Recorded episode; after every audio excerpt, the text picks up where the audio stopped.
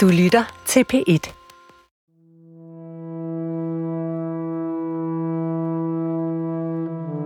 Når man henvender sig til psykolognævnet øh, for at indgive en klage, så, er det, øh, så har der været meget smerte og meget overvejelser før. Fordi det er, øh,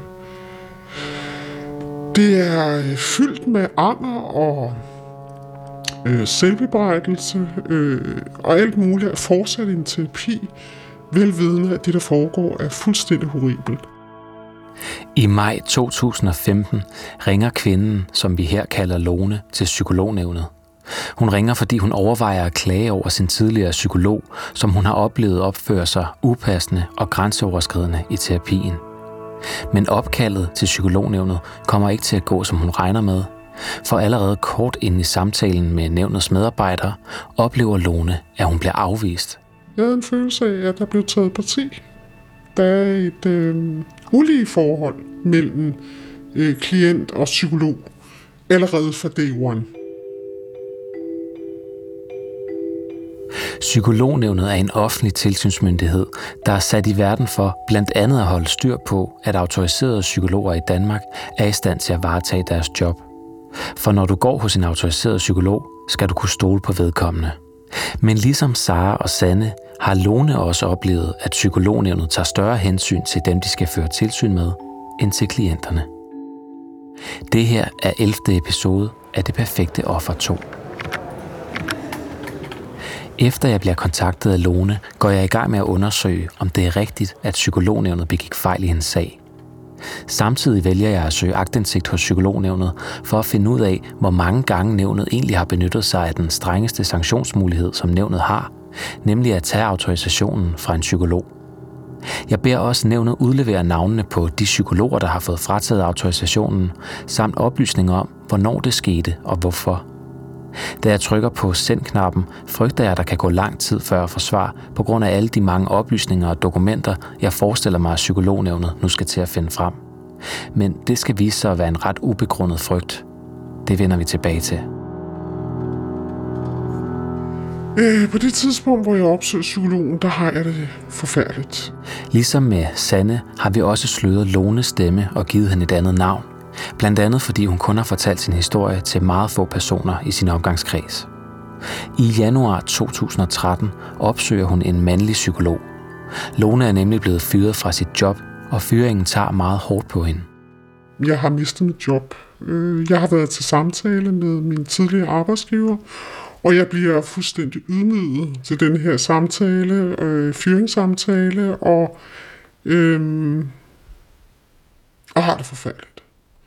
Øh, og øh, tænker, at jeg aldrig nogensinde vil kunne komme ind og få et arbejde mere, og jeg er en fiasko, og jeg synes ikke, der er noget at leve for.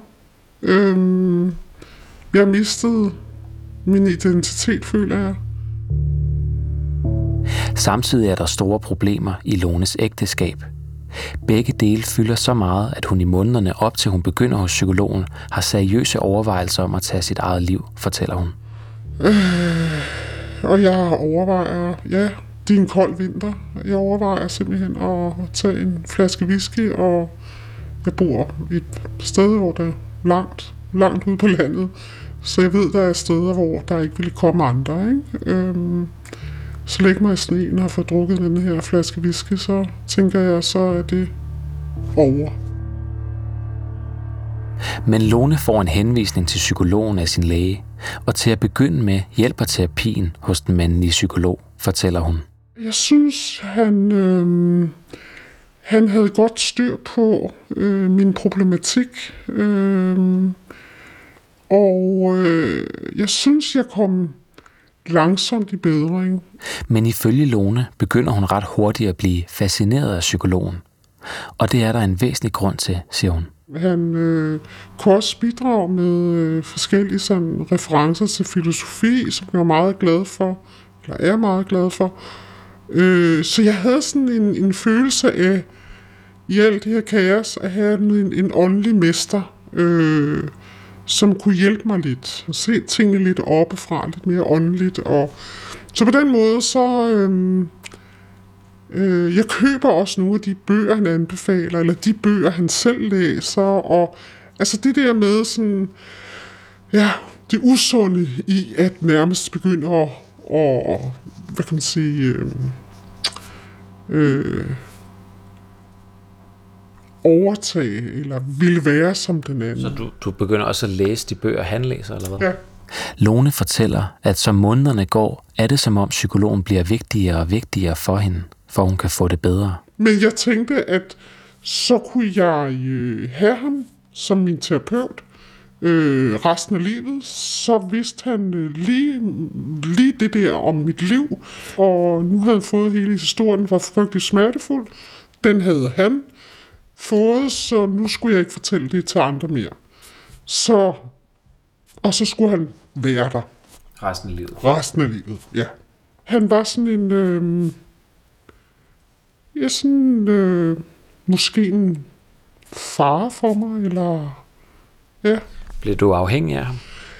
Ja, fordi han vidste jo øh, alt om mit liv. Men her var det jo også, at han så at sige flyttede ind i, i øh, min tankevirksomhed, når, han, øh, når jeg ikke var i terapi hos ham. Ikke?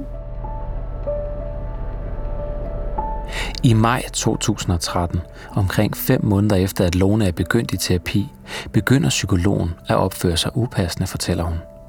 Det sker blandt andet en dag, da hun er i terapi og ved at fortælle psykologen om en situation med hendes daværende ægtemand, da psykologen pludselig afbryder hende med en overraskende bemærkning.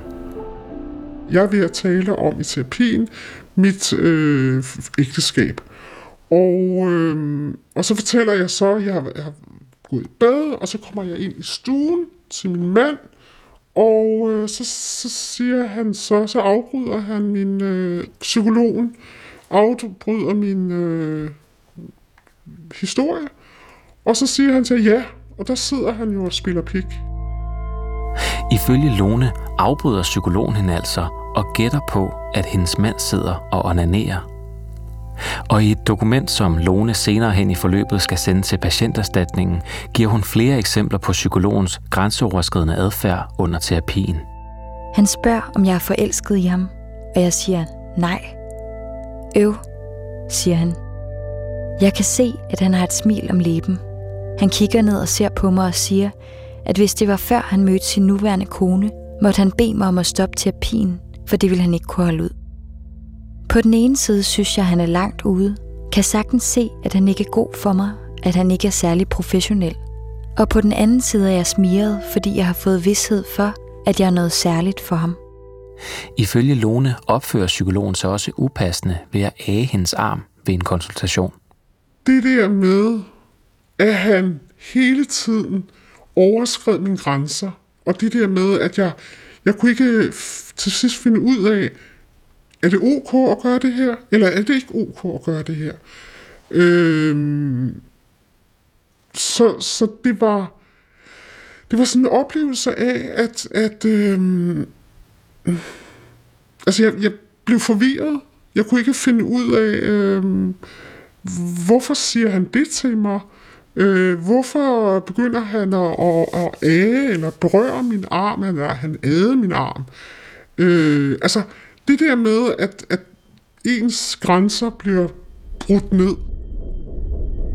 Jeg har været i kontakt med psykologen. Han ønsker ikke at medvirke eller udtale sig om sagen, men han oplyser, at han afviser Lones kritik. Lone fortsætter hos psykologen frem til marts 2014.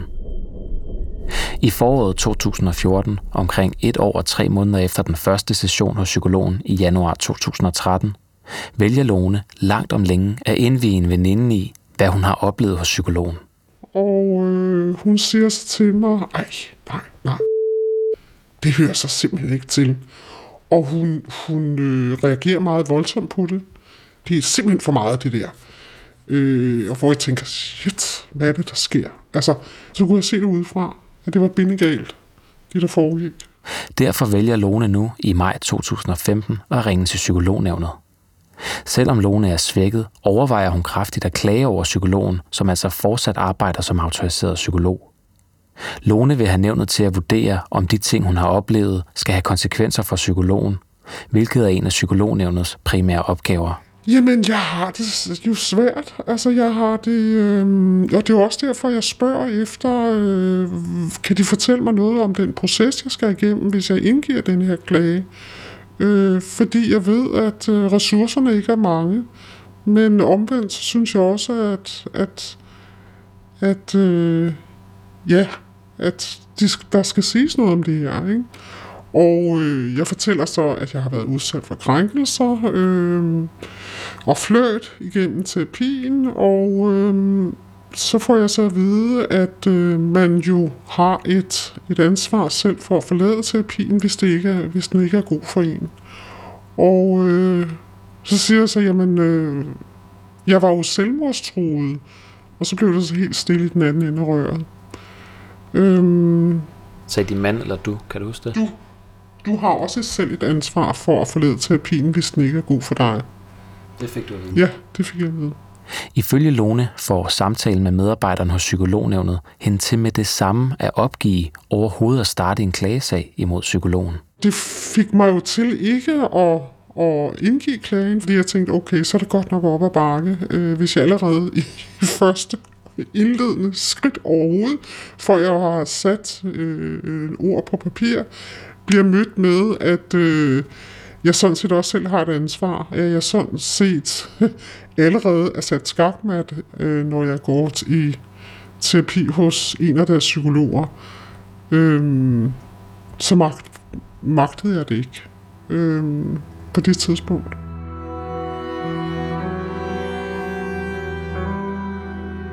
Psykolognævnet har ikke taget noget telefonnotat af Lones opkald, men jeg har været i kontakt med to kilder, der uafhængigt af hinanden fortæller, at de talte med Lone efter hendes samtale med psykolognævnet. Begge kilder bekræfter, at det Lone fortæller om opkaldet til psykolognævnet er samstemmende med det, hun fortalte dem dengang. Jeg har præsenteret Lones sag for lektor i sundhedsjura ved Syddansk Universitet, Ken Christensen, og jeg spørger ham, hvad han tænker om Lones beretning. Det er helt ubetimeligt. Man har altid et ansvar for sig selv, og det gælder alle. Men når vi har et tilsynssystem, så er det netop til for, at man som offentlig myndighed har valgt, at er der nogen, der har en autorisation, så er det også et offentligt ansvar at sikre sig, at de praktiserer fagligt forsvarligt. Det betyder her, når man svarer sådan til patienten, så farlægger psykologen sig ansvaret for at påtage sig den opgave, de er lovgivningen pålagt, men skubber i stedet ansvaret over på, over på patienten. Og det er det tilsyn er sat i verden for. Det er sat i verden for at reagere på baggrund af henvendelser, der giver anledning til det. Ifølge Ken Christensen er psykolognævnet særligt kendetegnet ved, at de klienter, der ringer ind til nævnet, kan være psykisk underskud. Så når man får sådan et svar som klager, så er det også være naturligt, at man tager det ansvar på sig, og så opgiver og gør yderligere. Og det er jo også det, der sker her i sag med Lone, fordi hun bliver afvist i døren. Jeg vender tilbage til Lones sag lige om lidt. For cirka et halvt år efter, at Lone altså fortæller, at hun bliver afvist af psykolognævnet i maj 2015, ringer en anden kvinde ind til nævnet i slutningen af november samme år. Kvinden ringer for at klage over en anden psykolog end Lones. Jeg kom for mange år siden i kontakt med en psykolog, øh, en privatpraktiserende autoriseret psykolog, som jeg gik hos igennem flere år, hvor jeg oplevede øh, et, et overgreb og et misbrug igennem, altså der stod på i, i flere, flere omgange. Øh, jeg ringer, fordi jeg vil vide, hvad kan, jeg, hvad kan jeg gøre? Hvad kan jeg sætte et punktum i den her sag? Kvinden her ønsker ikke at kunne blive genkendt i en bredere offentlighed, og derfor kalder vi hende Ulla. Da Ulla i november 2015 ringer ind til psykolognævnet, er det for at klage over en autoriseret psykolog, som ifølge Ulla udsat hende for en række seksuelle overgreb i slutningen af 80'erne, altså omkring 30 år tidligere. Overgreb, som har påvirket hende dybt, og som hun efterfølgende har fået hjælp til at bearbejde hos en anden psykolog, viser hendes patientjournaler, som jeg har fået adgang til. Altså, det er jo i årvis, du har gået med det her så. Ja, jeg har jo prøvet at gemme det væk. Jeg har jo prøvet at tige det væk. Men, men det er jo det er jo svært. Altså, jeg har, altså, hvad skal man sige, haft kvalme af det, ikke? Altså, det er den der fornemmelse af, ikke at kan komme af med det. At det bliver siddende i dig. Jeg har også præsenteret Ken Christensen for Ullas sag. Ifølge ham er Ullas sag forældet, da hun ringer ind til psykolognævnet, og nævnet vil derfor ikke kunne rejse en tilsynssag, påpeger han. Men Ullas sag viser alligevel noget interessant. For da Ulla ringer ind til psykolognævnet den 30. november 2015, ved hun nemlig intet om, at hendes sag er forældet. Og så skulle man jo tro, at det var det, hun ville få at vide i samtalen med nævnet. Men ifølge Ulla får hun intet at vide om, at sagen er forældet. Hun fortæller, at hun derimod får et helt andet svar. Et svar, der, ligesom Lone, får Ulla til at miste modet øjeblikkeligt. Jeg får så at vide, at, øh, at det vil være påstand mod påstand. Det vil der ikke komme noget ud af, og hvis det var seksuelle overgreb, så ville det være en sag, der hørte under politiet. Så det var dem, der ligesom skulle, det skulle anmeldes til. Psykolognævnet har heller ikke taget notat af denne her samtale, men Ulla har vist mig teleoplysninger fra sit telefonselskab, der dokumenterer, at hun på den dato, hun fortæller, hun ringede, havde en 7 minutter og 14 sekunder lang samtale med psykolognævnet. Ifølge Ulla får hun altså i november 2015 at vide af psykolognævnet, at seksuelle overgreb slet ikke hører til hos dem. Det spørger jeg Ken Christensen om er rigtigt. Det er ikke rigtigt. Når vi har sager omkring seksuelle krænkelser af patienter, så er det både en straffesag, men det er samtidig klart også noget, der ligger inden for rammerne af det, som psykolognævnet skal bekymre sig om. Så det i sig selv skal give anledning til, at man også rejser en tilsynssag. Det her, det er netop en af de sager, der ikke skal afvises i døren. Det, der så er det særlige her, det er, sagen tilbage fra 1980'erne, så det vil sige, den omfattede forældelsesfristerne, så er det ikke en sag, som psykologerne ville kunne rejse, hvis det var sådan, de havde haft den oplysning.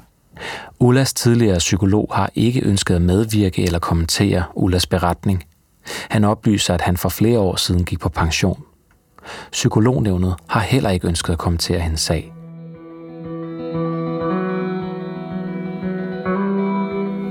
Og så vender vi tilbage til Lone, der altså i maj 2015, et halvt år før Ulla, opgiver at klage over sin psykolog. Lone opgiver altså at klage, fordi hun får at vide af psykolognævnet, at hun selv havde et ansvar for at forlade terapien, hvis den ikke er god for hende. En besked, der ifølge Lone kommer på et tidspunkt, hvor hun stadig føler skyld og skam over, at hun føler sig afhængig af psykologen. Jeg følte nærmest, det var mit ansvar, hvordan øh, relationen mellem øh, mig og psykologen øh, udviklede sig, eller havde udviklet sig, så, øh, så der var, det var forbundet med stor skyld og skam, at, at, øh, at, det, at jeg lod det ske, og at jeg øh, var i det, og at jeg ikke bare forlod ham. Men i tiden efter, at hun opgiver at klage, er der et billede i hendes hoved, der ikke vil gå væk. Et billede af psykologen, som fortsat kan praktisere og tage imod nye klienter, uden at nogen har taget stilling til, om han er egnet til det, eller om han har forbrudt sig mod reglerne. Det stopper jo ikke. Altså, han stopper jo ikke. Derfor vælger Lone alligevel at klage. I klagen beskriver Lone flere situationer, hvor psykologen ifølge hende opførte sig grænseoverskridende. Hun nævner blandt andet psykologens bemærkning om hendes mand, der sad og onanerede. Og efter en længere høringsproces modtager hun i begyndelsen af maj 2016, altså året efter, afgørelsen på klagen fra psykolognævnet. Hvis psykolognævnet finder en psykologs ageren i en klagesag kritisabelt, kan nævnet enten udtale kritik eller alvorlig kritik. I afgørelsen om lånepsykolog ender nævnet med at udtale kritik af psykologen for manglende omhu i udøvelsen af hans virke som psykolog. Hvad det præcis er, psykologen får kritik for, vender jeg tilbage til lige om lidt. For det her er nemlig vigtigt lige at dvæle ved. Lones psykolog ender altså med at få kritik af psykolognævnet. Kritik, som han får på baggrund af en klage, som Lone var tæt på aldrig at indgive, fordi Lone med Ken Christensens ord blev afvist i døren af psykolognævnet, da hun ringede ind første gang. Dermed var en autoriseret psykolog altså tæt på at undgå en klage, og sidste ende tæt på at undgå at få kritik. Ifølge Lone på grund af psykolognævnet, tilsynsmyndigheden for autoriserede psykologer. Og det tror jeg desværre, at der er rigtig mange, der vil tænke, at øh, puha, det her det er godt nok en stor øh, møllesten at løfte, øh, hvis nævnet i deres øh, holdning til klienter, der vil klage, øh, øh, siger sådan uh, til dem, der ringer ind.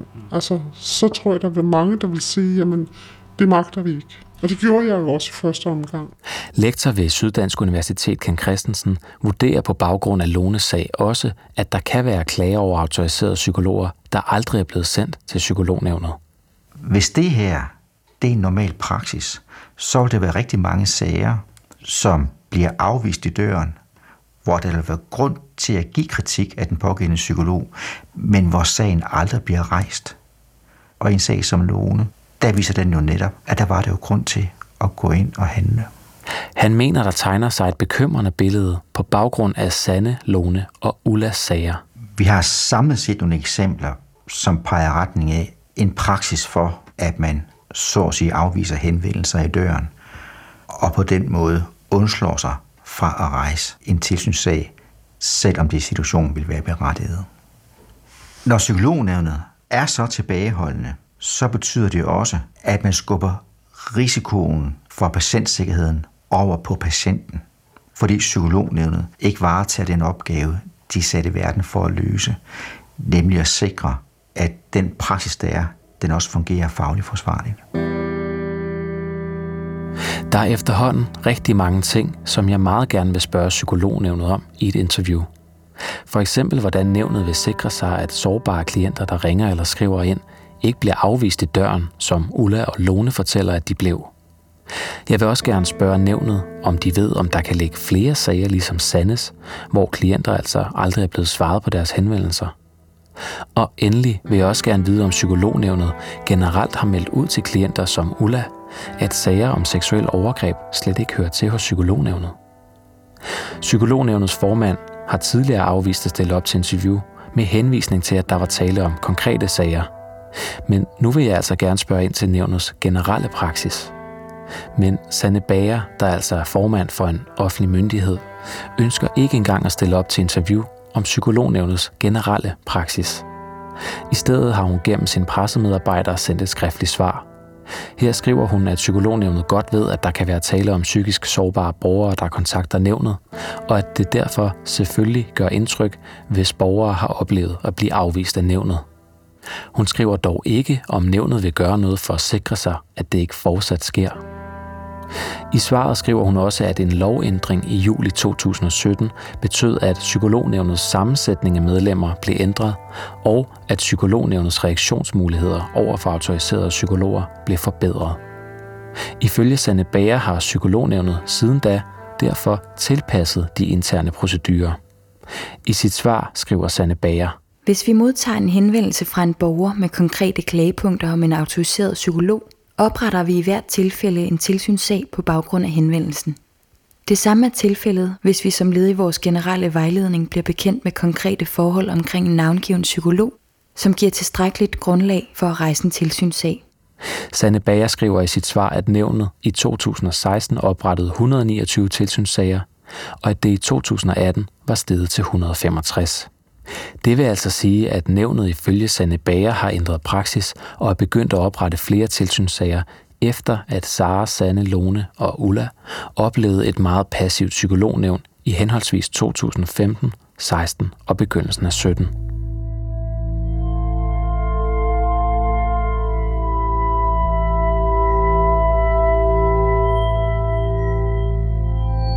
For Lone står der dog stadig et helt centralt spørgsmål tilbage nemlig om det stigende antal tilsynssager så rent faktisk også ender ud i en tilstrækkelig dækkende kritik af de psykologer, der bliver rejst tilsynssager imod. For da Lone modtager afgørelsen i sin klagesag, mener hun nemlig, at hendes psykolog slipper med alt for mild kritik. Og det skal vise sig, at hun måske har en pointe. jeg var rasende, da jeg læste det her, den her afgørelse, og jeg ringede også derind. Øh, og øh, skilter og smelter, jeg synes simpelthen ikke, det var okay. I afgørelsen fra maj 2016 får psykologen nemlig ingen kritik for at have opført sig upassende og fløtende, som altså var det primære punkt i hans klage.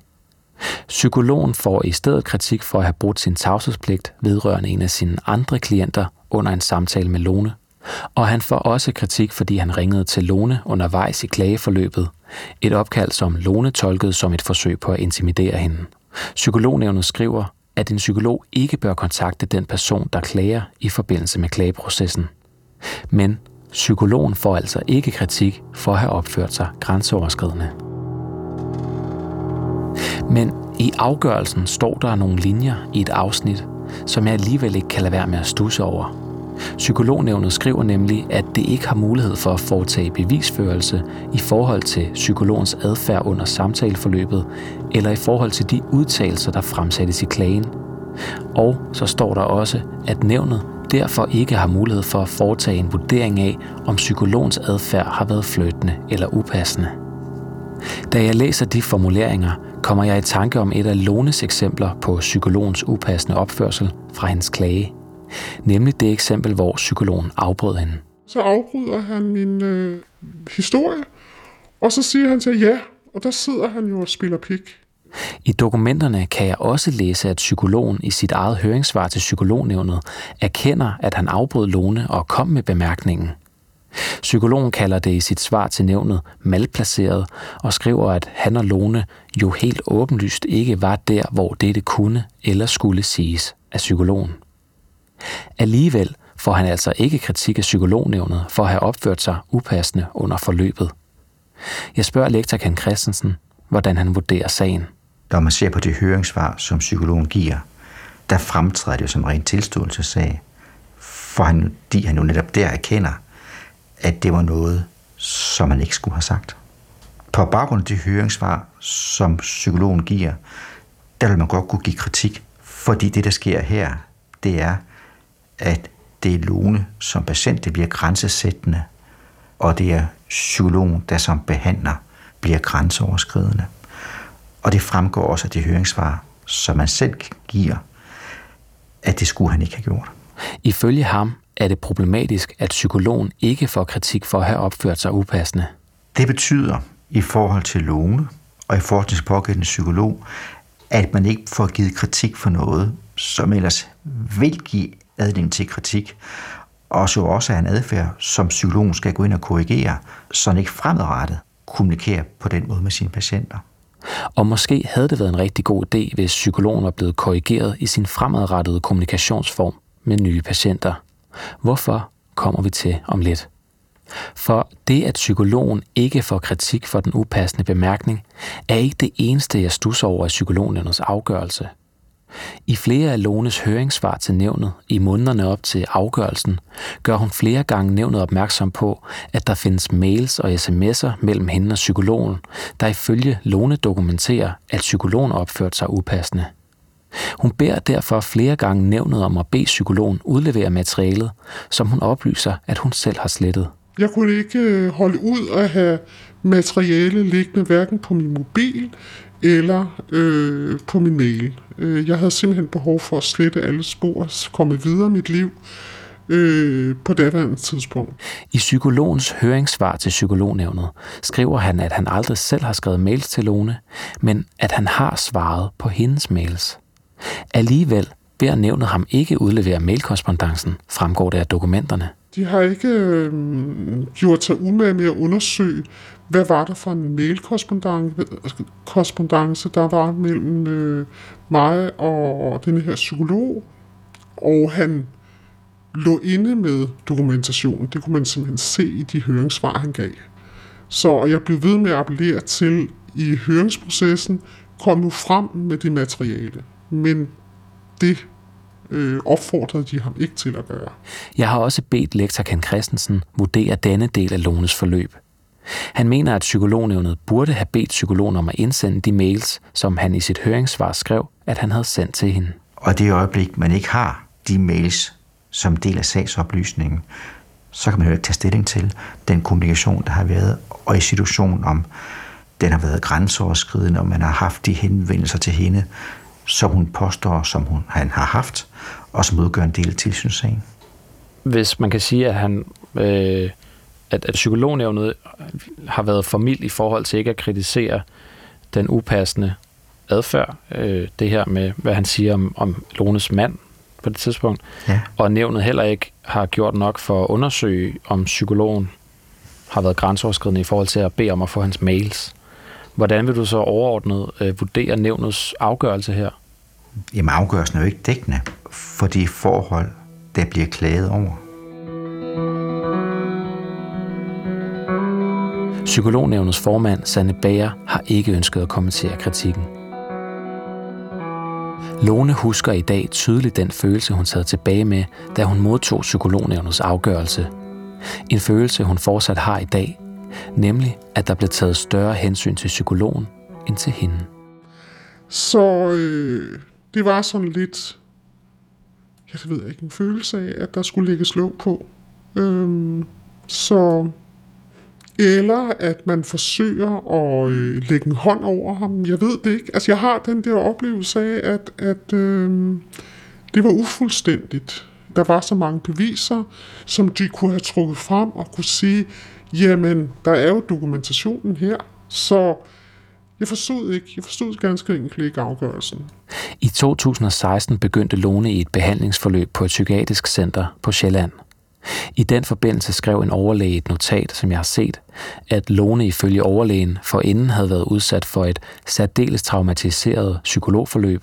Et forløb, der ifølge overlægen havde resulteret i særdeles stor mængde skam og skyld, samt traumatisering, der grænser til at opfylde kriterierne for PTSD. Tak fordi jeg må ringe til dig midt i den danske sommer. I slutningen af juni 2019 ringer jeg til Lone. Fordi jeg har nemlig også lidt nogle, jeg har fundet ud af nogle ting, nemlig.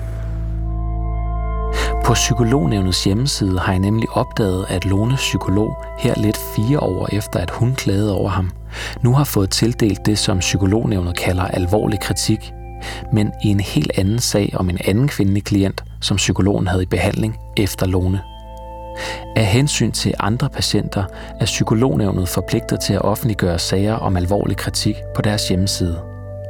Derfor bringer vi også Lones tidligere psykologs navn. I afgørelsen på nævnets hjemmeside kan jeg læse, at Michael Nissen, der er autoriseret psykolog og har klinik i Frederikssund, i løbet af 2018 sendte en række mails til en kvindelig klient.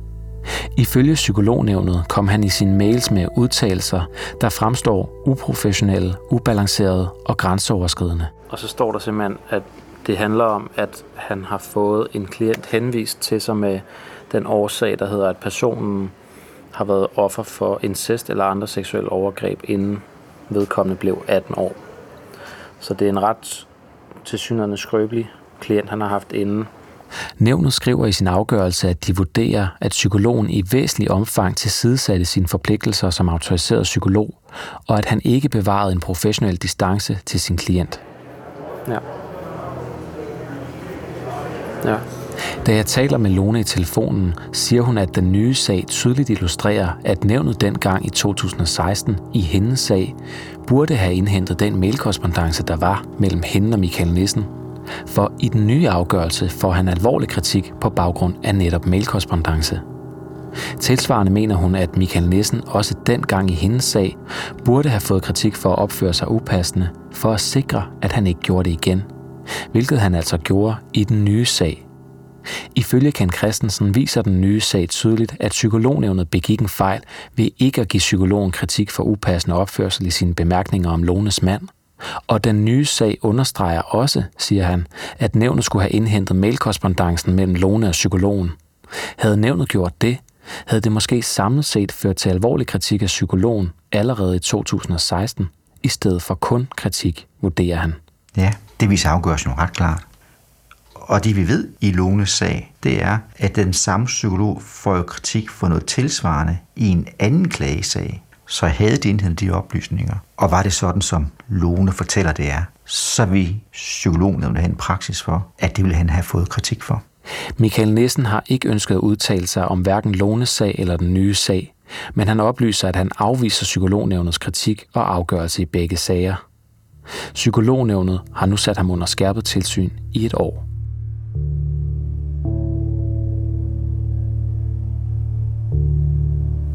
Psykolognævnet så dagens lys den 1. januar 1994.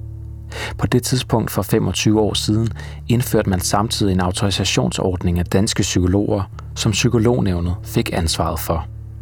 Siden 1994 er der ifølge nævnet ca. 8.875 psykologer, der har opnået autorisation. Muligheden for at fratage autorisationer har psykolognævnet haft fra dag 1, altså i 25 år. Spørgsmålet er, hvor mange gange det er sket på de 25 år. Så er der svar på psykolognævnet. To dage efter min anmodning om agtindsigt får jeg svar fra psykolognævnet. Svaret lyder, på 25 år har nævnet frataget en psykologs autorisation én gang. Og den ene gang, det er Saras sag. Saras tidligere psykolog, Morten Svejstrup Hekscher, er altså den eneste psykolog nogensinde i Danmark, der har fået frataget sin autorisation. Hvorfor er der blot tale om én fratagelse? Psykolognævnet har ikke haft andre sager, hvor nævnet på baggrund af de foreliggende oplysninger har funderet, at der har været grundlag for en afgørelse om fratagelse af autorisation. Når man ser på de afgørelser, psykolognævnet har truffet, så er det nærmest larmende i sin tavshed, at man igennem den meget lange periode kun har fået noget grundlag for at fratage autorisation i et tilfælde. Ken Christensen peger på, at der i de senere år har været en række sager om forskellige sundhedspersoner, læger, psykiatere og andre autoriserede behandlere, der har fået frataget deres autorisationer af Styrelsen for Patientsikkerhed. Det er det den her sammenhæng tankevækkende, at der i forhold til det relativt store antal psykologer er så få sager, i modsætning til antal sager, vi har på de øvrige fagområder. Der tænker jeg på andre sundhedspersoner i Danmark. Live. Hej, du har kommit till Socialstyrelsens presstjänst. Testa att ringa upp igen eller mejla till media så hjälper vi dig inom kort. Jeg beslutter mig for at kontakte de svenske og norske tilsynsmyndigheder for psykologer. Jeg vil gerne vide, hvor mange psykologer, der har fået frataget deres autorisation der. Og her viser billedet sig at være et noget andet end i Danmark. Det viser sig nemlig, at 13 svenske psykologer har fået frataget deres autorisation siden 1993, og at 37 norske har fået frataget deres siden år 2000. Derfor spørger jeg Ken Christensen, når vi kigger på udlandet, er der nogen grund, væsentlig grund til, at, at vi i Danmark skulle have, hvad kan man sige, færre brødne kar? Nej, det er det ikke. Og det er ikke en grund til at antage, at psykologerne er væsentligt anderledes end de øvrige sundhedspersoner ville være. Grundlaget for at gå ind og fratage autorisation, det er det samme. Det vil være psykisk sygdom, det vil være misbrug af nydelsesmidler, det vil være seksuelle krænkelser.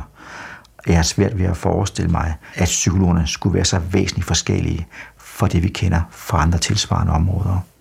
Ken Christensen påpeger, at Norges lovgivning og praksis over for sundhedspersoner er hårdere end i Danmark, og derfor kan forklare det høje tal for norske autorisationsfratagelser. Men det ændrer ikke ved hans vurdering af, at en fratagelse på 25 år er larmende lidt, både i forhold til Norge, men også i forhold til det øvrige sundhedsområde i Danmark. Der har været en. Det er larmende lidt. Psykolognævnets formand, Sanne Bager, forholder sig i sit skriftlige svar ikke til kritikken af en autorisationsfratagelse.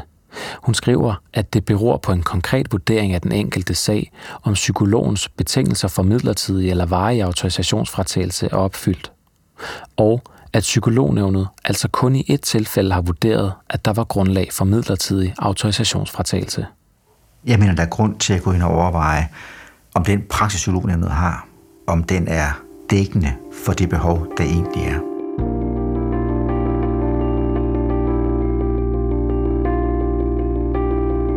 Det er ikke lykkedes at få et interview med social- og indrigsminister Astrid Krav.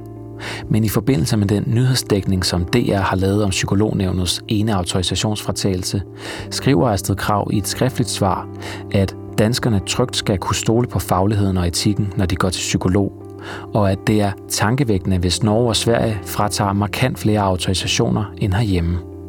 Ministeren vil derfor se nærmere på, om vi kan lære noget af vores norske og svenske naboer, som hun skriver. Både Dansk Folkeparti og Enhedslisten har dog efterfølgende bedt ministeren redegøre for, om psykolognævnet generelt lever op til sin pligt med at føre tilsyn med autoriserede psykologer. Det her var 11. episode af Det Perfekte Offer 2, klippet og monteret af Ida Skjærk, og måske også den aller sidste episode i serien, selvom jeg jo har lært, at man skal passe på med at sige den slags. Du er velkommen til at kontakte mig på emoj hvis du har en historie, som du synes, jeg eller nogle af mine kollegaer skal kigge på. Det var altså emoj Hvis de oplysninger, du sender, er personfølsomme, skal du ikke sende eller vedhæfte dem i den første mail, for det skal gøres krypteret. Og står du nu og mangler noget nyt at lytte til, så vil jeg gerne anbefale mine gode kollegaer Jens Wittner og Truls Kinkos podcast Dronekrigeren – du kan finde den ved at søge på Dronekrigeren eller gå ind på p Dokumentars feed, hvor der også ligger andre spændende dokumentarer. Tak fordi du lyttede med.